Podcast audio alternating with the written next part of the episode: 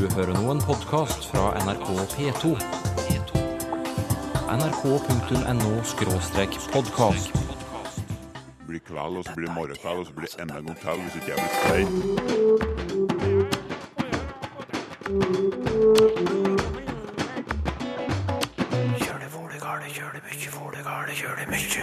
Hvorfor er ikke L, M og N vokaler? Og hvor kommer danseløven fra?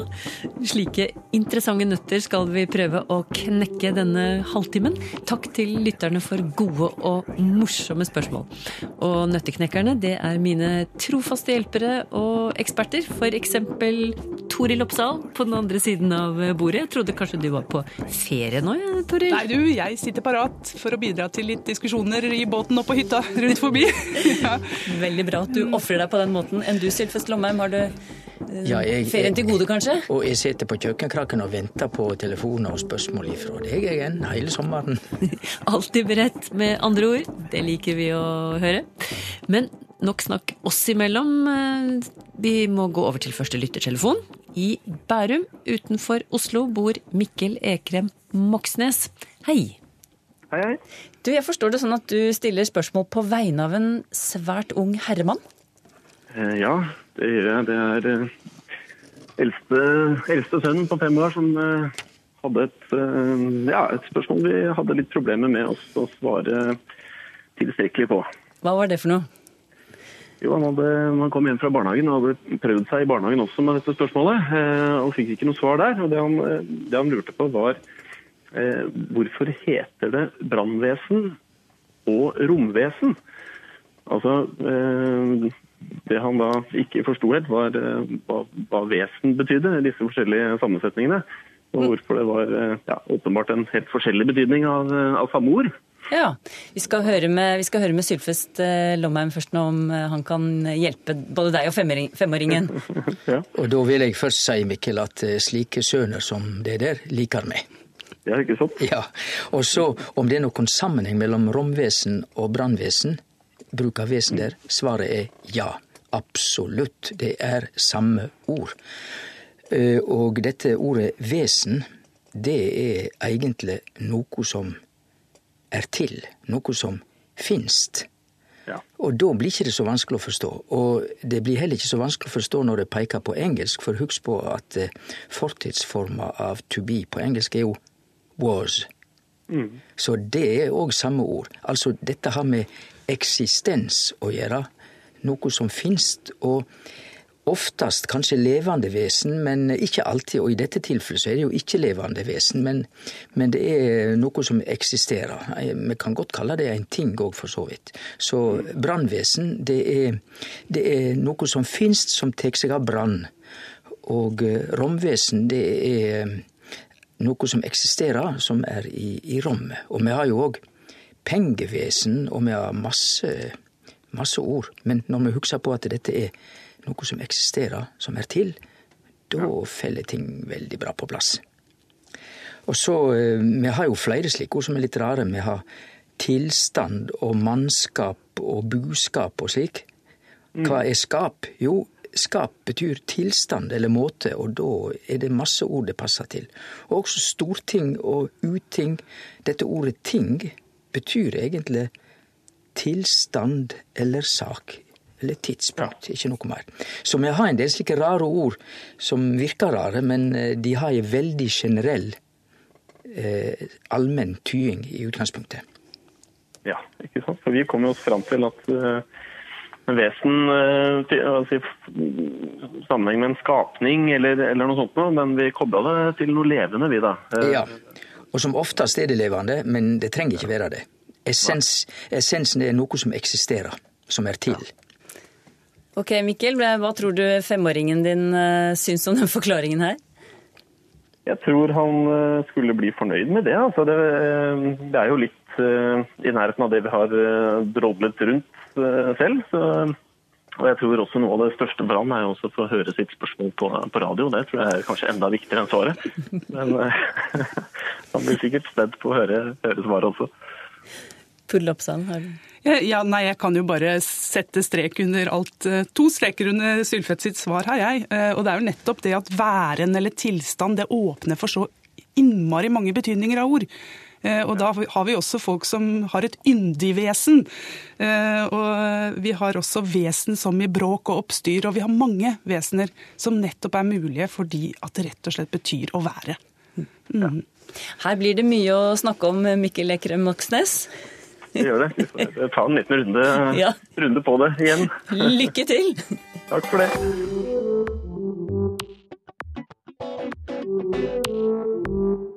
Vi fyller Språkteigen med lytterspørsmål i dag, og språkviterne Sylfes Lomheim og Toril Oppsal svarer og forklarer. Og forklar dette, Toril. Hvorfor er ikke J, L, M, N og V vokaler? Det er Carl Sagen som spør. Ja, da tror jeg vi skal prøve å definere en vokal, jeg, aller først. Og det er jo en lyd som skapes ved at du slipper luft fra lungene og helt fram uten at den møter noen hindringer på veien. Så der går rett og slett lufta ut langs tunga på midten og ut uten hindringer. Der har du en vokal. Mens en konsonant da er lyder der hvor luftstrømmen møter på noen hindringer. Så der vil du hvis vi prøver oss på l, der er det definitivt en hindring på veien. Der har vi tunga ganske kraftig opp, mens a, den møter ingen hindringer. Eh, men her er det jo snakk om bokstaver som representerer disse lydene. Eh, og her må vi trekke inn et annet moment, og det er det som handler om stavelser. Fordi ett kriterium for å være en vokal, det er at den er såkalt stavelsesbærende. Eh, det henger sammen med hvor godt vi høres. Sonoritet. Sånn at en A den høres bedre enn en Hørte du den? Mm, ja, ja. Eh, men i noen tilfeller så vil de lydene, eller de bokstavene som representerer lyder, som Carl Sagen her sender inn, de vil faktisk kunne fungere som stavelsesbærende. Du hører dem ganske godt. Eh, hvis jeg nå velger ordet hatten, der er det to stavelser. Det er en A som er kjernen i den ene, men i den andre så er det søren meg en N. N som, som, som, er ganske sonor og tydelig. Eh, så hvis kriteriet skal være stavelsesbærende, så er noen av disse lydene definitivt i nærheten av å være vokaler. Men hvis vi har denne fonetiske hvordan man skaper lyd-definisjonen, så stemmer det ikke. Og så er det én ting til. Og det er at disse bokstavene de har ikke alltid representert de samme lydene. Vi bruker latinske bokstaver i, i norsk. Eh, og du skal lete ganske lenge etter å finne en U, det tegnet i latin, og også en J, det tegnet. Eh, og det tar så lang tid før U og J syns i norsk skrift. Eli Bjørge fant følgende avisoverskrift Ser ingen ende på finværet. For meg er frasen 'ingen ende på negativt eh, ladet', skriver Eli Bjørge. F.eks.: Det er ingen ende på klesvasken. Stemmer det at uttrykket helst brukes som negative ting? For altså, at finvær varer langt framover i tid, det er vel ikke negativt. Og derfor skurrer det, skurrer det i ørene mine, avslutter Eli Bjørge. Mm. Eh, jeg har gjort mitt beste for å gi Eli Bjørge rett her. Eh, jeg har rett og slett tatt noen stikkprøver fra tekster både i dette årtusenskiftet og det forrige, hadde jeg nær sagt. Eh, men dette er et uttrykk som brukes både med positiv valør, nøytral valør, men med en overvekt av negativ valør, ja. Men, men det fins også med positiv betydning. Det jeg mistenker her, er at det vi skriver og ytrer oss om, det skal ha en nyhetsverdi. Sånn at vi, vi, vi, der, der, vi tyr oftere til det negative eh, når vi, uttrykker oss. Eh, så kanskje det er litt av årsaken til at vi har et inntrykk av at det kun er negativt. Men, men det er det altså ikke. Det har blitt brukt både om positive og nøytrale ytringer i mange, mange, mange år.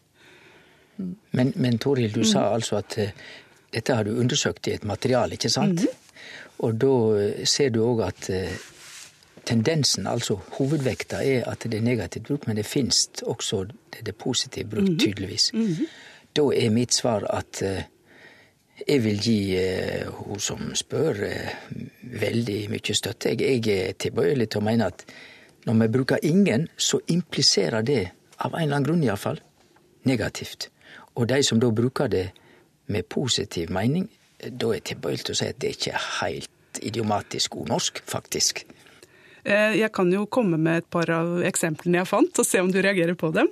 Eh, det er nesten ingen ende på hvor mye som får plass mellom to punktum.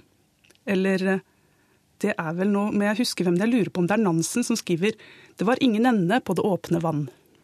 Her, her er det snakk om rett og slett en nokså nøytral beskrivelse av noe som har en utstrekning.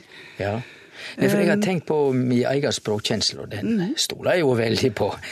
Og alt står og faller med ordet 'ingen'. Hvis du sier 'det er ingen ende på godværet', da går det helt fint. Men med en gang du sier 'ingen', å, da mørkner det litt. Da blir det negativ klang.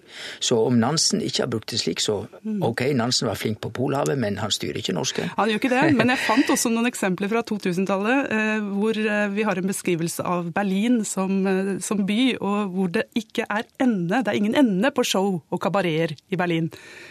Eh, Og det er også en som uttaler seg positivt om en annen og sier at det ikke var noen ende på hennes ros. Men da, hvis noen hadde sagt det er ingen ende på show og moro i Berlin, da hadde jeg faktisk oppfatta det som at avsenderen ikke syntes dette var så bra. Ja, her, her, her var det ment som reklame. Så Ja. jeg tror den effekten man oppnår, er jo en forsterkende effekt eh, ved å bruke det på den måten. Eh, en overvekt, men ikke bare negativt. Det er ingen ende på hvor lenge vi kan snakke om dette. I dag våknet jeg og tenkte dette, skriver Anne Sofie Vollandet fortsetter. Norge er ikke akkurat kjent for å ha overflod av løver.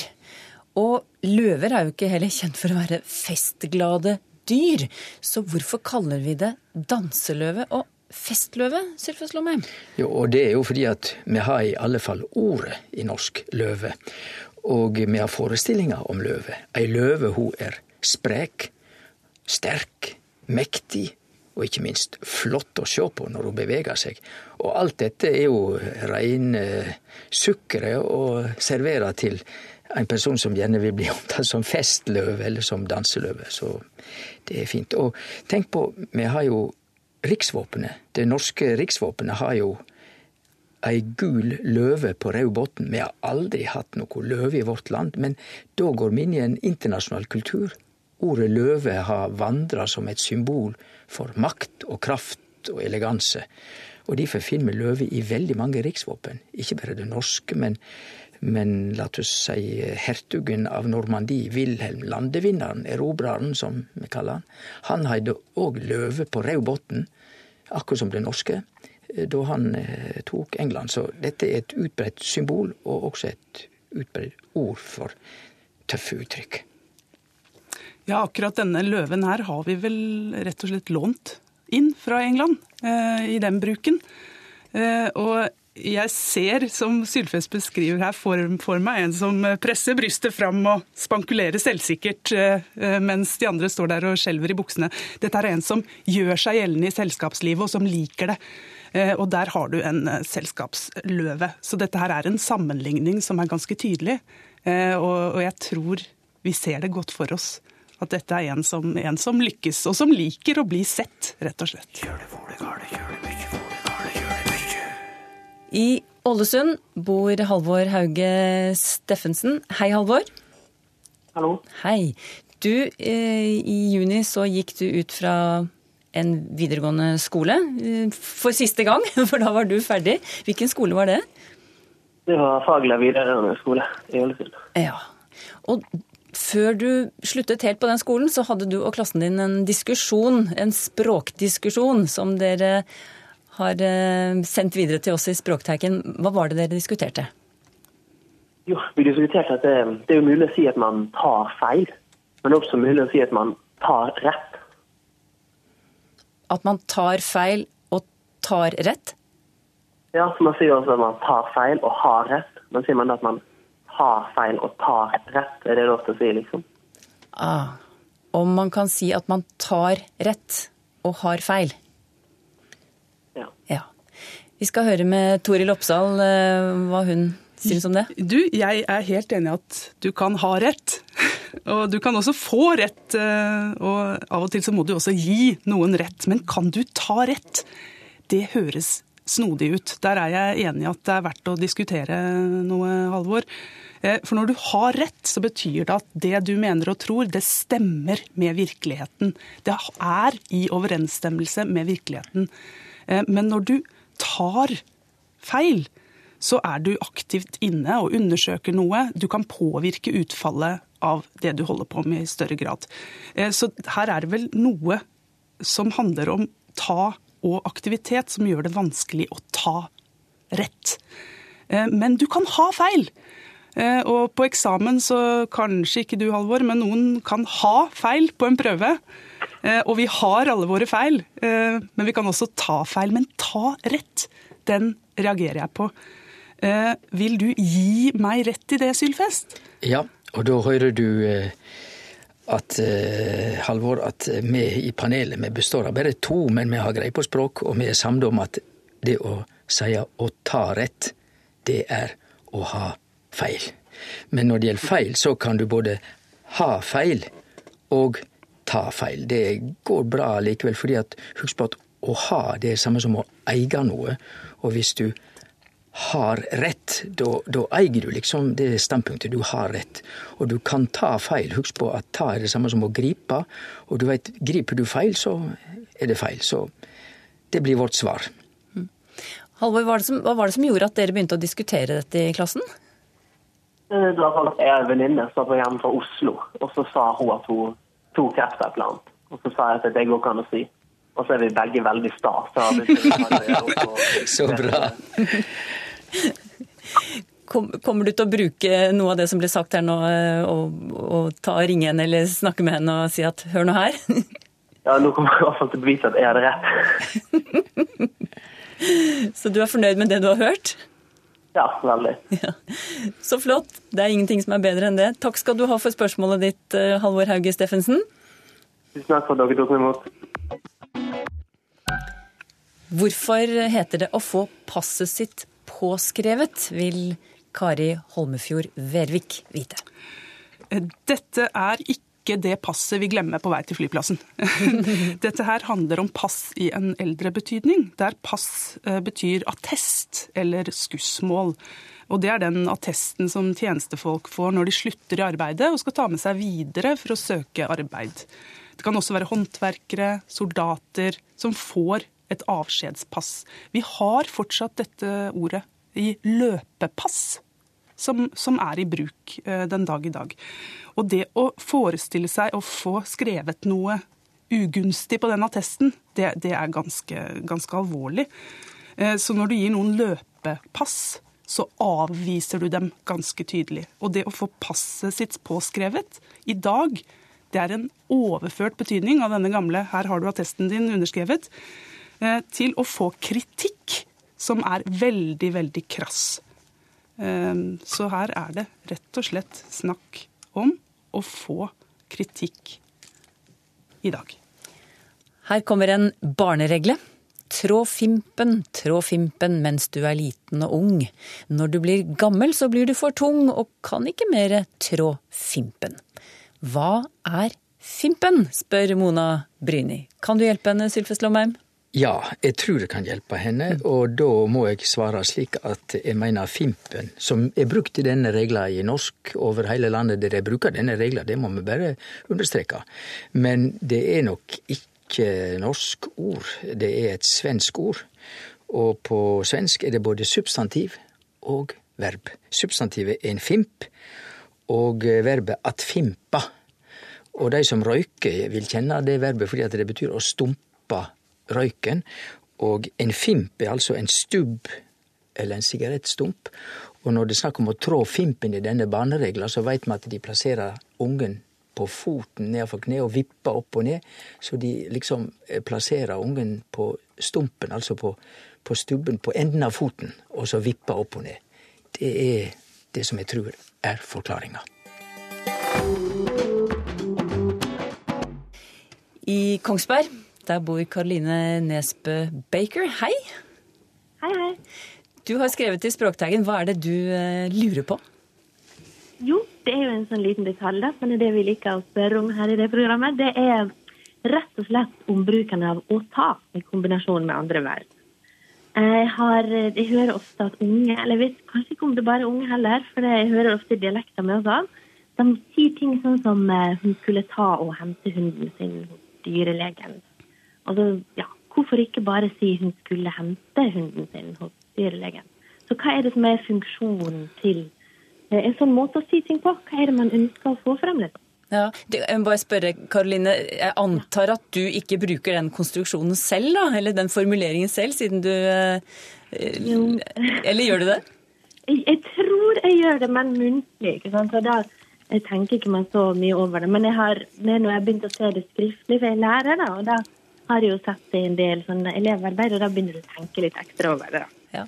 Vi skal spørre Toril Oppsal. Hva er funksjonen eller årsaken? Ja, eh, først så kan jeg jo bekrefte det Karoline også antar, at dette her ikke bare handler om unge mennesker. Det handler om muntlig språkbruk. Og vi finner det også i skrift, men da finner vi det i dialoger. I romaner og også i drama så finner vi den konstruksjonen. Eh, men dette verbet ta, her betyr ikke det å gripe og holde fast i noe. Eh, den betydningen den har blitt bleika, den har forsvunnet. Og har du tenkt på Karoline, at dette her ikke fungerer med alle typer verb? Ta og hente hunden hos dyrlegen, nevnte du. Men hva med å ta og drømme om hunden? Den låter litt pussig.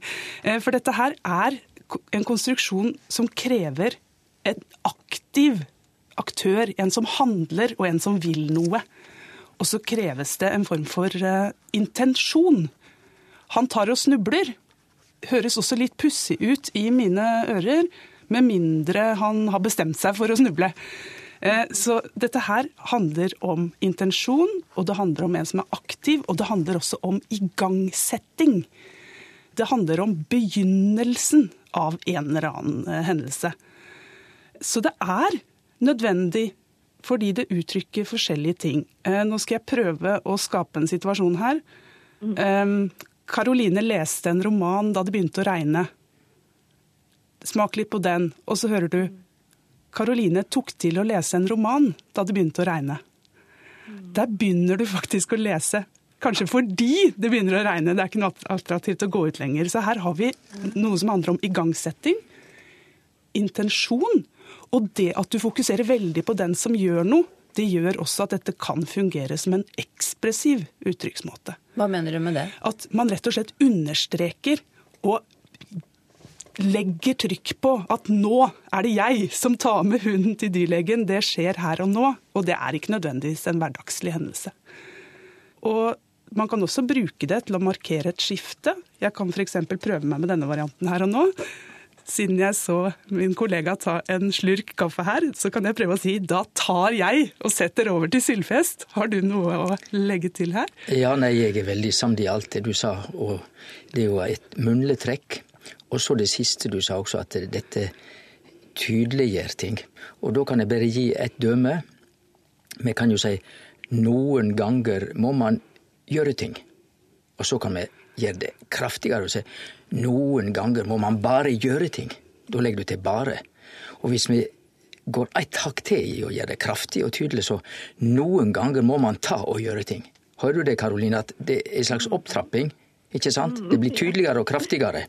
Så det er jo det som er hovedfunksjonen med ta, og ikke at det betyr å ta.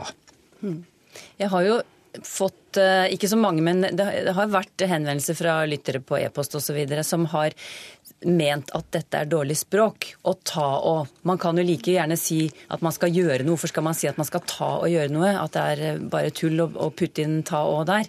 Men det høres ikke ut på dere to som, som dere er enig i det, da. Nei. Vi er ikke enig i det, i hvert fall ikke når det er snakk om en muntlig eh, situasjon. Nettopp. Eh, men i de elevarbeidene du nevner, Karoline, så er det nok situasjoner der du med god samvittighet kan stryke ta. For da blir du på et litt mer saklig mm. nivå, ikke så eh, tydeliggjort og muntlig. Ja. Ja. Hva syns du om de svarene du har fått, Karoline eh, Nesbø Baker? Veldig gode, og jeg føler meg opplyst. Veldig bra. Jaha. Skal, vi, skal vi si det sånn? Ja, det sier vi det. Ja.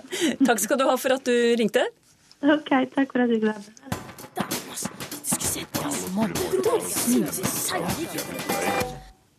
Bjørg Sand sender oss noen tanker om ordene konge og dronning. I dagens norsk, skriver hun, har dronning to betydninger. Det kan være ektefellen til kongen, slik dronning Sonja er. Og det kan være en kvinnelig monark, som i Danmark og i England. Norge vil jo etter hvert få en kvinnelig monark, og hvis vi skal fortsette dagens ordbruk, så vil vi bli et kongedømme uten konge. Så hvorfor kan vi ikke gjøre ordet konger kjønnsnøytralt? Slik at Norges monark vil kalles konge enten vedkommende er kvinne eller mann? Hva syns du, Sylfest, om den ideen? jo, ideen er jo grei nok, men dette er enda mer komplisert. Fordi at eh, faktisk er kongen allerede i dag kjønnsnøytralt. Hvis vi skriver det med stor K. Fordi at da er det et organ. Eh, men hvis vi skriver kongen med liten k, da er det en person. Og den personen, eh, det har jeg ikke tro på at eh, når vi omtaler kong Harald, at han kan bli kjønnsnøytral. Så der er det konge og dronning. Men litt av problemet her er altså at kongen på norsk har to meninger. Der den ene er faktisk ikke person i det hele og da er det jo kjønnsnøytralt. Og det andre er absolutt en person i kjøtt og blod. Så mitt svar er kort og godt at det er ingen grunn til å gjøre noe spesielt med dette. Mm. Har du forståelse, Toril, for uh, ja, jeg, jeg, jeg, forslaget her? Jeg liker tankeeksperimenter, men jeg ser et lite problem her. og det er at Hvis vi skal uh, kvitte oss med dronninga, hva skal vi da gjøre med sjakkbrettet? Uh, og spillkortene? Det, det, er, det, er, det, er, en detalj, men, men, kanskje et enda mer spennende altså, eksperiment vil være å gå den andre veien og ta utgangspunkt i kvinne. For, for der har vi kvan, kone, queen på engelsk, alle disse ordene, de, de, hører sammen. Så kanskje vi skal kalle kongen vår kvinne? Nei, dette er jo, eh, som du Toril var inne på, engelsk sier queen, og vi på norsk sier kvinne. Og på norsk er jo kvinne brukt om alle av ho kjønn. Vi har på engelsk verdensspråket så har dette ordet gått heilt til topps. Og ikke bare blitt et ord for kvinner, men bare ei kvinne, dronninga, hun som styrer. Fantastisk utvikling. Har du spørsmål til Språkteigen? Skriv til Teigen, krøllalfa nrk.no, eller til Språkteigen, NRK P2, 7005, Trondheim. Så finner du oss også på Twitter og på Facebook. Og alle som bidro i dag, blir påskjønnet med et krus. Neste sending er også fylt med lytterspørsmål. Blant annet diskuterer vi ordet smart. Før så betydde det jo noe i nærheten av eh, lur, oppfinnsom, kreativ. Mens mm. nå blir det brukt som eh, glup eller gløgg. Til og med kunnskapsrik. Språkteigen neste gang.